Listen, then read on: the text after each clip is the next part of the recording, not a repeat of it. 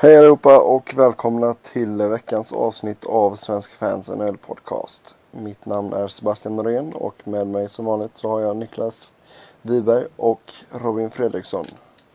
Hur glada är ni att Los Angeles Kings är i Stanley Cup-final? Superglada. Jag kan inte påstå att jag bryr mig ett skit. Nej, det är sådana här lägen vi egentligen skulle haft ljudeffekter, så här trumpetfanfarer och sådana grejer. Men eh, Ja, möjligtvis. vi får nöja oss med att säga stort grattis till eh, Los Angeles för deras fin, fina bedrift.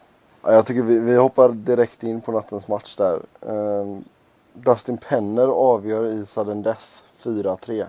Vad är Ja, det är helt galet. Ja, exakt. Jag tänkte också säga det. Dustin Penner avgör och skickar LA till final. Mm. Men jag, jag tycker väl egentligen att uh, Penner kan väl i princip symbolisera hela Kings eh, uppvaknande mot slutet av säsongen här. Eh, han har ju varit bedrövlig i princip hela säsongen. Uh, det är ju tufft att kalla Kings för bedrövliga hela säsongen men det är väl inte en jätteöverdrift heller. Och de har prickat in formtoppen perfekt här mot slutet den sista månaden, de sista två månaderna kanske. Och alltså det, det är sånt som en potentiell mästare behöver göra. Eh, det är svårt, det är väldigt svårt att gå en hel säsong plus slutspel då liksom med en sån enormt hög form. Eh, väldigt få lag klarar, av det, väldigt många lag klarar av det några några månader under grundserien och sen tappar man mot slutet. Sen ryker man i första, andra runda liksom. Eh, men Kings har verkligen lyckats snäppa upp formen här lagom till slutspelet. Och det känns liksom att som sagt Penner kan symbolisera den. Ja, han ser ut som en riktig skogshuggare nu också. ja, Enormt fint slutspelsskägg. Jag tycker som man ser till matchen så eh, Phoenix började ju klart bäst i första perioden och det det är väl lite som du har varit inne på det här innan, det är just den här desperationen att när man är så nära på att åka ut. Jag tycker man såg det ganska tydligt att det, de visste att det liksom var nu eller aldrig, eller vad man ska säga. mm. Nej men den desperationen är stark. Mm. Men sen så, eh, så blev det ju en kvittering där, Kopitar i, i mitten av perioden. Och eh, då kände man väl lite att okej nu, nu liksom nästa liksom tio minuterna kan bli riktigt viktiga.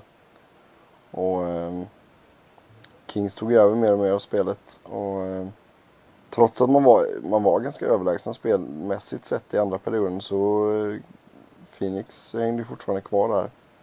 Det stod ju 3-3 då efter eh, två perioder och sen eh, mållöst i tredje. Och sen Dustin Penner då ganska sent inne i första övertidsperioden. Det, men det, det var en riktigt bra match faktiskt måste jag säga. Ehm, så det var, det var nog många som satt på nålar och kollade. Det tror jag säkert. En grej som är lite mm, märk, eller märkvärdig men noterbar är ju att Kopitars 1-1 mål eh, kom i numerärt underläge. Det var femte målet i numerärt underläge som Kings gjorde under slutspelet. Jag tror att alla andra lag tillsammans har gjort sex. Ja, nej det är klart det är viktigt med ett eh, starkt numerärt underläge och eh, kan man få några plusmål på det också så är det givetvis grymt. Um, det som både är en, en styrka och som kan bli en svaghet för Los Angeles det är att man spelar väldigt hårt med sina stjärnor. Där eh, Richards och Kopitar och Brown och, och Carter och, och så här får väldigt mycket istid i numerärt underläge och man har tidigare sett att eh, det kan göra att eh, de här spelarna, ja, de tappar soppa helt enkelt. Och inte blir lika effektiva i det långa loppet. Jag tycker inte man har sett så mycket av det hittills i Kings. Men det är en fin balansgång där mellan eh, vad man faktiskt klarar av med tanke på att de spelas ju väldigt hårt i, i, i de övriga spelformerna också. Jo men med tanke på hur katastrofalt dåligt powerplayet har varit så kan man ju lika väl skicka in fjärdekedjan i powerplay. Brunka va? Ja, jo, men, nej men alltså helt seriöst. Powerplayet har ju varit under all kritik. Och det, det har det varit hela säsongen.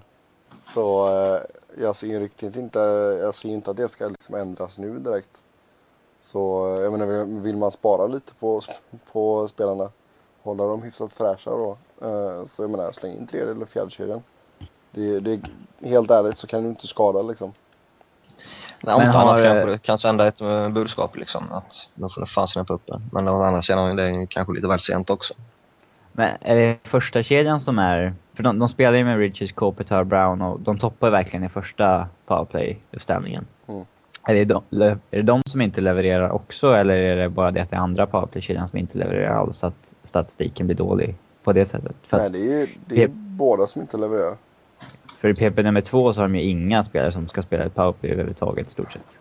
Nej, utan, nej, nej, alltså det är, det är båda som inte levererar och det är, jag tycker speciellt Drew Doughty har ju, har ju varit riktigt kass i powerplay. Det är ju han som ändå ska styra från blå och det har ju inte alls funkat. Okej. Så menar, det, man blir nästan mer glad när de hamnar i numerärt underläge. Känner- som, som jag när jag spelar NHL 12. Jag gör fan mer mål i numerärt underläge än i powerplay. men det är, bara för, det är bara för att få mer isyta vet du. Ja, Ja, speciellt om man spelar uppåt då är det mycket lättare att kontra. ja. Ja. Nej men alltså. Som sagt det var ju en hyfsat händelserik match och ja. Dustin Penner då. Ett mål, en assist.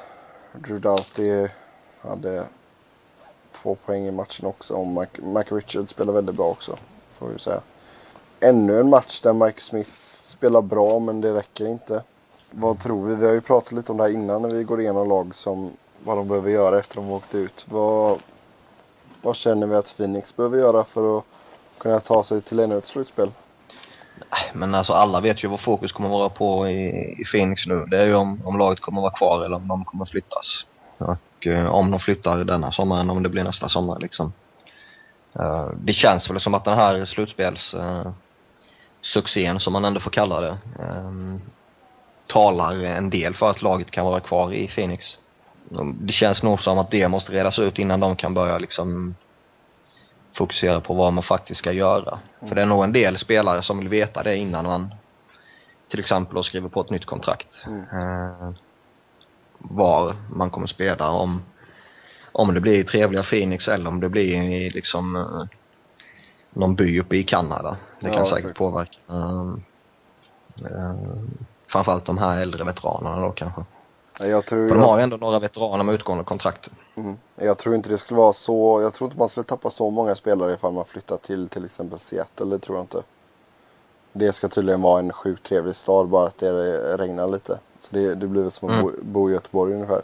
Så, eh, men jag menar, det är som du säger, jag menar, hamnar du ute på vischan i liksom Kanada och det, det snöar mer än Ja. vad du har soldagar så Ja, eller flytta till ett fransktalande Quebec. Nog är inte alla så sugna på...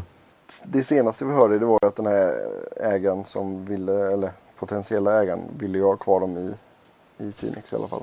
Ja, och NHL verkar ju slå väldigt hårt för att eh, de ska vara kvar. Mm. Och det förstår jag ju också till 100% för så fort ett lag måste flytta någonstans så är det ju ett jättemisslyckande både för laget i sig givetvis men också för ligan. Eh, Så jag förstår att de slår stenhårt för att eh, de ska vara kvar. Men om man klarar det inte är ju frågan och det ska bli intressant att se hur den här slutspels eh, har gjort för organisationen och liksom vilket stöd man kommer få. Ja, jag, hoppas ju verkligen att det kan ge ett lyft till, alltså, för intresset. För jag menar, jag tycker de har gjort det, de har gjort en jävligt bra säsong, det måste man ge dem alltså. Mm. Jag menar man tar ändå så divisionstiteln för första gången och man tar sig hela vägen till konferensfinal. Det, jag menar vad hade vi dem, vad tippade vi dem inför säsongen? Ja, det var säkert utanför slutspel eller precis på gränsen till slutspel. Ja. Så jag menar det, de har ju verkligen överraskat och mycket tack vare Mike Smith får man ju ändå så säga. Han, jag menar de förlorar idag men han gör en så 47 räddningar liksom. Ja, det är inget snack om saken att han har varit deras kanske viktigaste spelare. Eh, tillsammans med kanske typ en Shane Doan. Som jag tycker har äntligen har visat att eh, han är en riktigt grym spelare. Ja han har ja, men samtidigt så han känner väl att det, han kanske inte får en, ja vad ska man säga, en sån här chans igen och ifall han stannar i Phoenix. Nej, det lär han sannolikt inte få. Ehm, jag tror i och för sig inte att Phoenix är det laget eller lagbygget som ska börja plocka in någon stjärna här och där liksom, om det är möjligt. Utan de ska nog vara det här eh, arbetarlaget med väldigt oglamoröst eh, lagbygge. Uh, och, och, jag tror tippet uh, kan bli lite mer effektiv just med, med det lagbygget också. Mm. Uh, däremot, som du säger, jag tror inte de kan göra en sån här insats i nästa års slutspel. Och då är frågan Shane Doan vad, vad han känner och mm. Ray Whitney vad han känner liksom. Uh, sen har de några gubbar på, på backen också i Akoin till exempel och Rotsival också. Mm. Nej men jag tror alltså man, man... Det var ju en liten missräkning ändå att Verbata var så pass ja, dålig får man nästan säga i slutspelet som han var. Jag menar han gjorde ändå 35 mål under, under grundserien. Och uh, man hade nog hoppats att han skulle få smält in några fler under slutspelet. Ja, Ray Whitney kom väl inte riktigt upp heller. Nej men Whitney kan jag väl ändå så förstå i och med att han är ändå så typ 40 bast liksom. Men ja, jag vet inte. Sen även där så har inte powerplayet inte fungerat. Så jag menar, skulle man kunna få in en, en powerplay-specialist så hade det inte skadat. Nej, det är klart. Det, det hjälper ju alla lagen så att säga. Men uh, som sagt, Phoenix. Uh, jag, jag, tror inte de behöver eller ska göra så väldigt mycket. Utan först måste man nog avvakta och se vad som faktiskt händer med, med laget och sen förlänga med dem man kan förlänga med i princip. Mm. Ja, och är det, är det någon av de här typ Whitney Dome som försvinner, ja då får man väl ta in en, en, en motsvarande spelare. Men jag, jag tror inte det är rätt väg att vandra att börja plocka in en två, tre, fyra liksom nya högavlönade spelare om ekonomin tillåter det då givetvis. Ja, nej, det, men det, det, tror jag inte ens. Det, det, det, känns inte som Phoenix väg liksom. Nej, nej absolut inte. Det tror jag inte Tippet kommer göra heller utan han vill nog ha spelare som passar in väl i hans system så att säga. Mm. Så, eh, nej, men det blir intressant som sagt att se nu vad som händer med ägarfrågan och sådär. Och det hade väl varit kul att få ett slut på den diskussionen också för en gångs skull.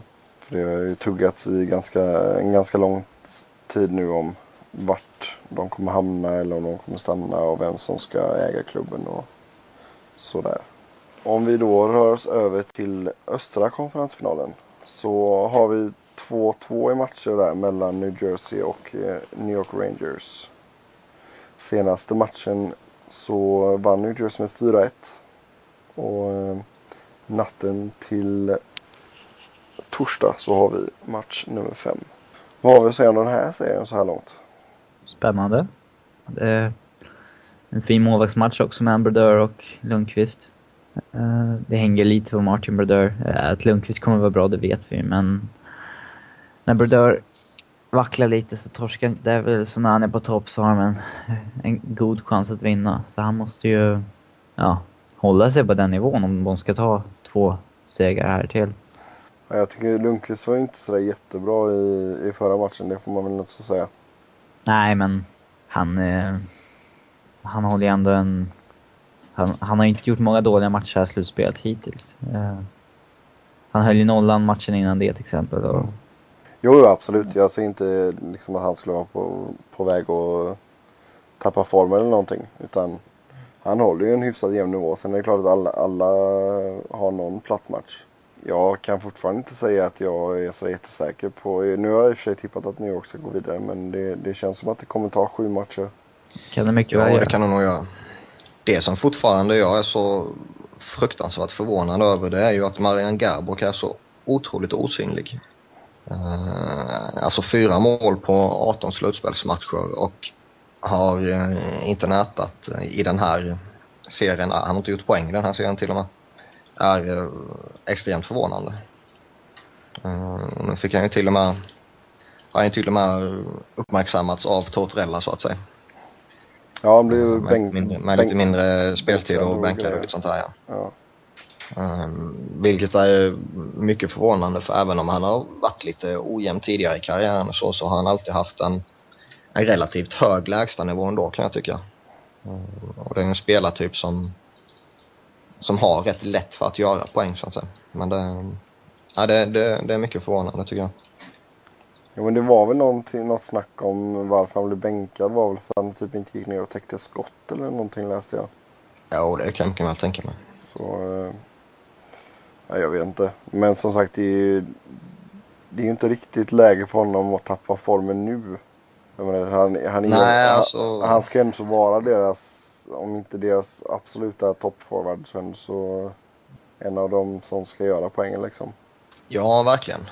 Um, han behöver snäppa upp sig. Det är möjligt att man tar sig förbi Devils även om han fortsätter gå poänglös. Men, och jag har sagt det tidigare, i det långa loppet så måste dina bästa spelare vara dina bästa spelare.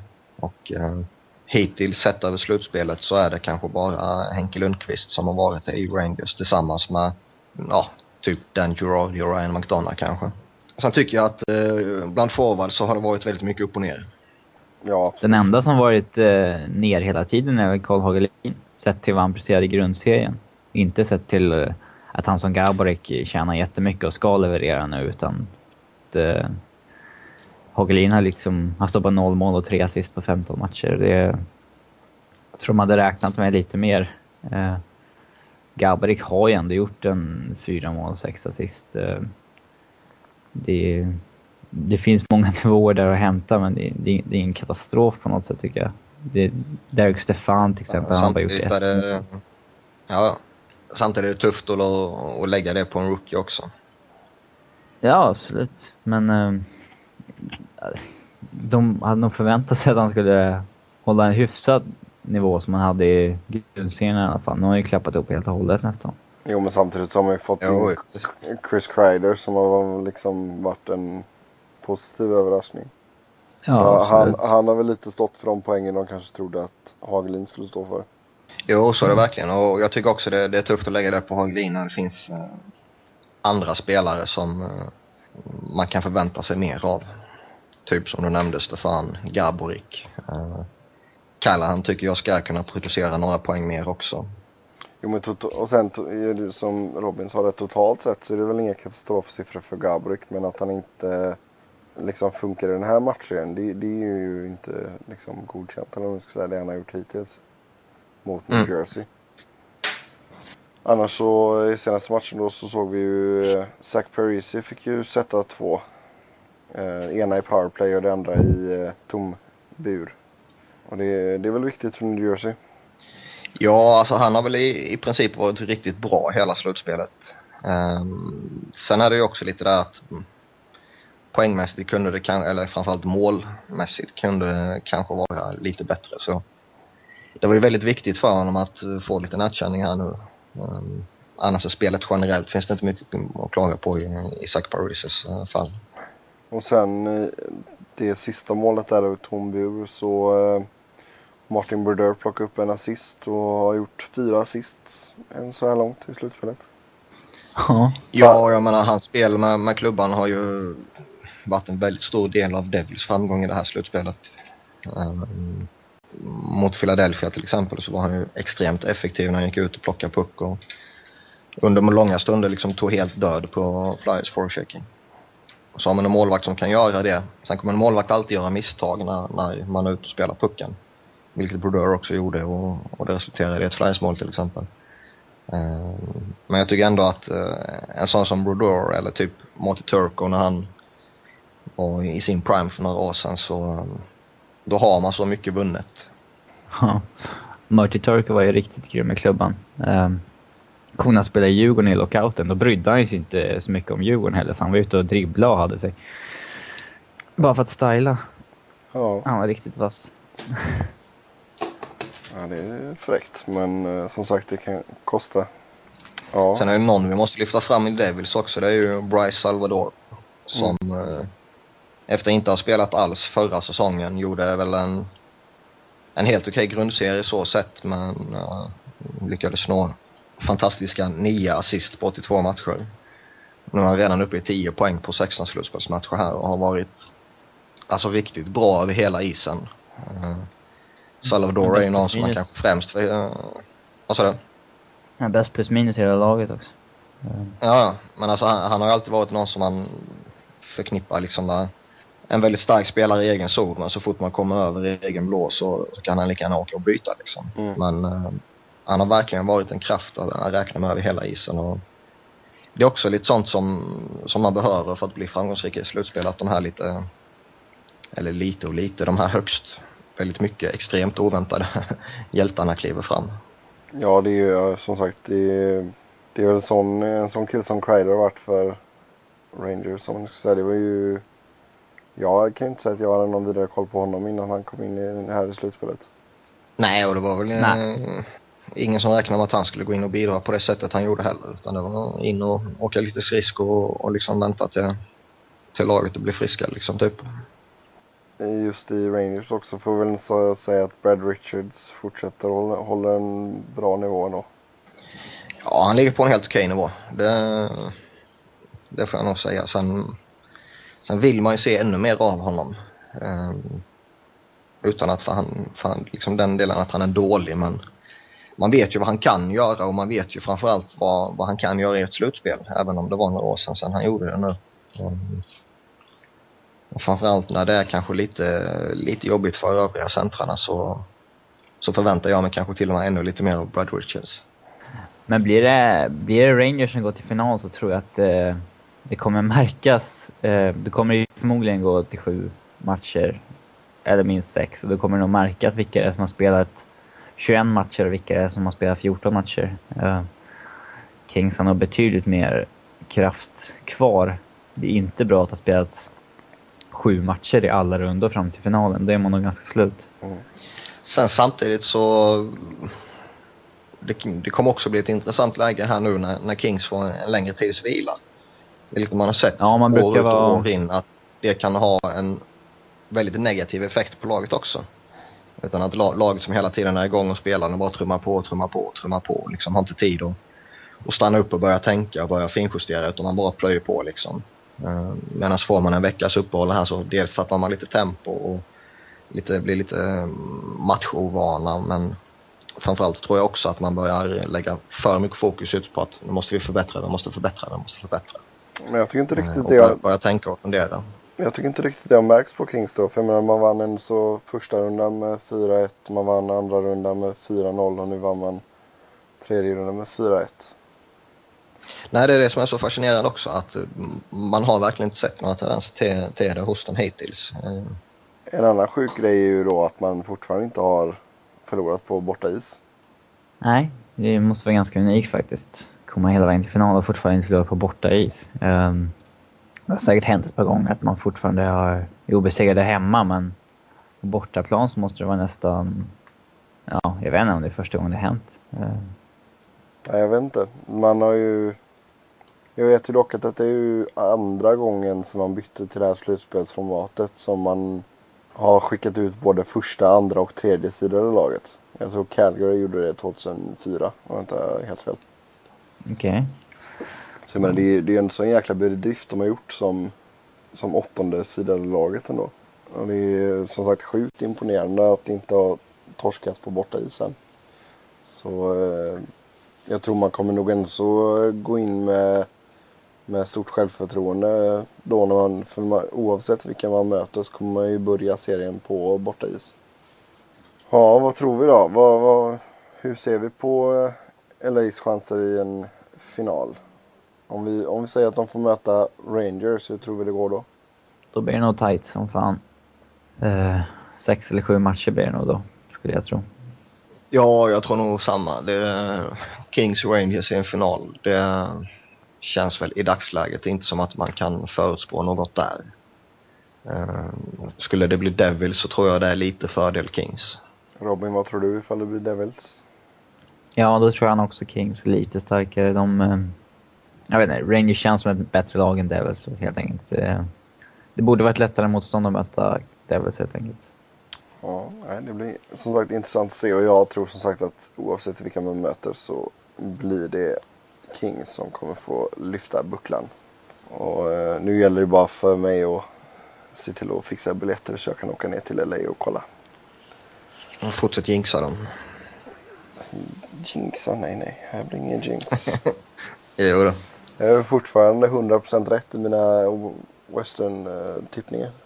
Ja, det kan ju bara gå åt helvete. Nej då, nej då, nej då. Det är dags nu. Men det är så första gången man är i final sedan 1993. Och eh, förra gången så gick det ju ingen vidare. Så eh, det, det är dags nu. Ja, de har ju definitivt goda möjligheter för att ta det oavsett vilka man möter. Uh, inget snack om saken.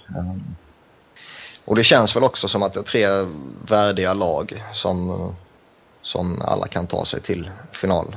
Kings har gjort en jättebedrift. Rangers har varit grymma hela säsongen och vad Devils har åstadkommit sista delen på säsongen här är ju grymt imponerande. Ja, man trodde väl inte, alltså inför deras serie med Philadelphia så trodde jag inte de skulle ha någon större chans. Det trodde jag inte. Inte med, ju... inte med tanke på hur det såg ut mot Florida. Nej, det var ingen som trodde det ju. Eh, men de käkade upp Flyers helt och hållet. Ja, om vi då går vidare till lite nyheter, eller har vi någonting annat att tillägga? Nej. Nej. Nej, då kör vi lite nyheter. Uh, stoppa pressarna. Viktor Fast är klar för Anaheim Ducks. Ja. Ett år um, blev kontraktet på. En.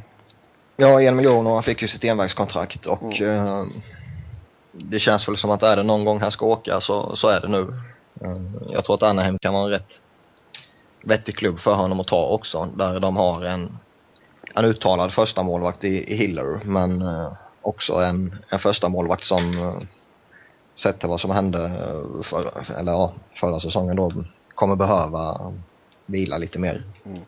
Jo, det är sant. Han kommer absolut få chansen. Det, absolut. Det, det, det kommer inte vara så att han bara får uh, fem, sex matcher som det hade varit ifall han stod bakom vissa andra målvakter i ligan. Nej, han kommer nog spela en ja, 20-25 matcher, det tror jag nog. Om han inte är helt åt helvete värdelös i sina fem första matcher. Då, då blir det en annan femma kanske, men det tror jag inte han kommer vara heller. Men det, det är en grymt imponerande resa han har gjort också bara på några år här. Att gå från ja, lite halvmedioker och lovande målvakt i Hockeyallsvenskan till att bli en, en grym målvakt i Hockeyallsvenskan och kliva upp i elitserien och vara en grym målvakt där och vara grym i VM och sen den här säsongen har väl varit lite upp och ner eh, utan att för han för den delen var liksom dålig men han var inte riktigt lika het som förra året. Mm. Och sen nu kliva in i NHL. Det, det, det är härligt att se att man kan göra en sån resa ändå. Men du fick ju tillfälle att se honom nu när du var uppe i Stockholm och bevakade VM. Vad, vad fick du för intryck av Fast? Alltså jag tror att väldigt många jämför ju, kommer alltid jämföra Viktor Fast med vad han gjorde förra året. Både i elitserien och i, i VM framförallt då där han hade ju en, en helt galen form ju.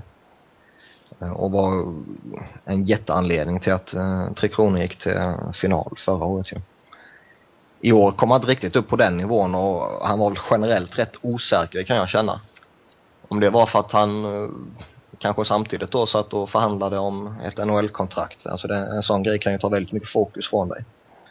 Och jag, jag tycker han fick lite oförtjänt mycket skit för han var inte dålig på något sätt och han har väl egentligen inte varit dålig på hela säsongen på det sättet. Men eh, han var inte lika fantastisk som i fjol och det är fjolårsinsatserna som, som han jämfördes med. Och visst, sett efter det så var han inte bra men sett du en normal målvakt vad, vad de skulle prestera tycker jag ändå han gjorde det bra.